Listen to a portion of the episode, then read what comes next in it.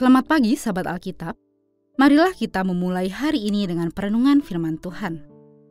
Bacaan Alkitab kita hari ini berasal dari kitab Bilangan pasal 5 ayat 11 sampai 16.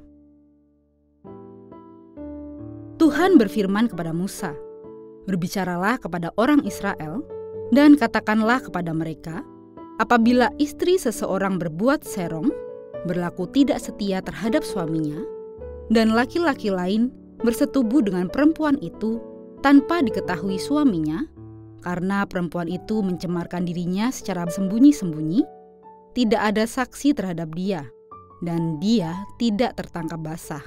Tetapi kemudian rasa cemburu menguasai suami itu, sehingga ia menjadi cemburu terhadap istrinya, dan perempuan itu memang telah mencemarkan dirinya, atau rasa cemburu menguasai suami itu sehingga ia menjadi cemburu terhadap istrinya, walaupun perempuan itu tidak mencemarkan dirinya.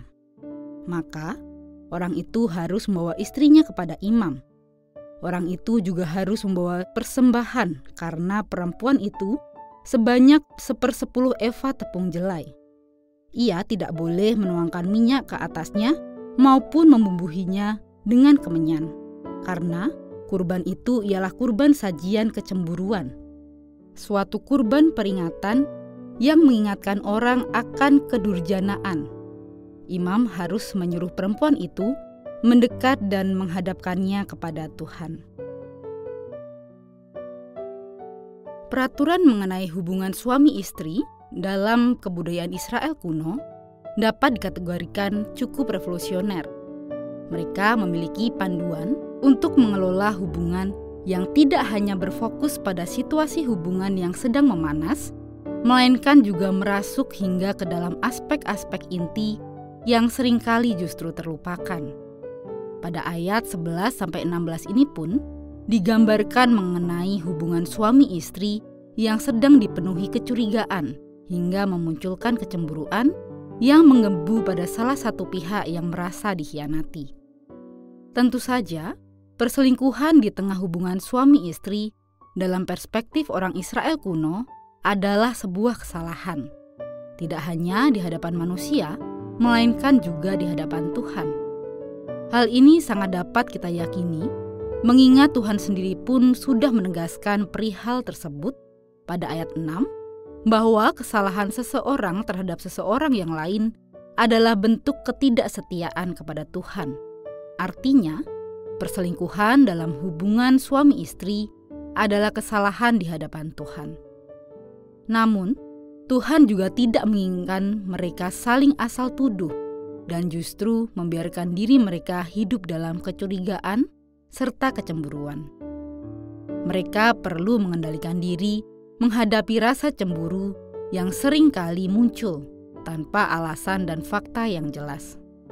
Itulah mengapa orang Israel dipandu untuk menyelesaikan perkara-perkara rumah tangga yang diliputi dengan kecemburuan dan kecurigaan bersama imam. Hal ini bertujuan agar kecemburuan itu dalam dikelola dengan cara yang lebih objektif hingga menemui kebenaran berlandaskan iman di hadapan Tuhan. Inilah bentuk pastoral pernikahan yang dapat kita temukan pada budaya hidup Israel kuno. Kita perlu berhati-hati terhadap kecemburuan, entah dalam hubungan sebagai pasangan maupun dalam bentuk hubungan lain yang kita miliki dengan manusia-manusia lain. Ingatlah bahwa kecemburuan sering kali muncul di tengah ketidakjelasan alasan dan kenyataan yang tidak mampu kita pahami. Kemudian, kecemburuan juga menjadi faktor yang dapat dengan mudah mendorong seseorang melakukan banyak keputusan dan hal yang gegabah hingga mendatangkan petaka bagi orang lain maupun dirinya sendiri. Jadi, marilah kita mulai mengevaluasi diri dengan merenungkan pertanyaan-pertanyaan berikut. Apakah Anda pernah merasa cemburu kepada orang lain? Kenapa Anda perlu cemburu?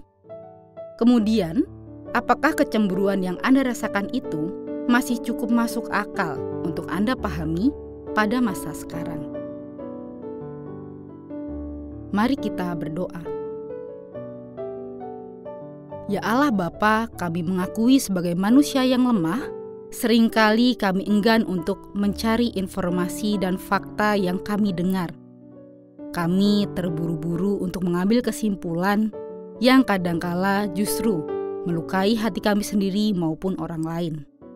Melalui bacaan hari ini ya Tuhan, kami bersyukur Engkau kembali mengingatkan kepada kami, supaya kami dapat lebih jeli dalam respon setiap situasi yang kami hadapi, sehingga kami dihindarkan dari sikap-sikap atau perilaku-perilaku yang justru dapat merusak relasi kami dengan orang di sekitar kami. Kami mohon hikmat-Mu, dalam nama Tuhan kami, kami berdoa. Amin.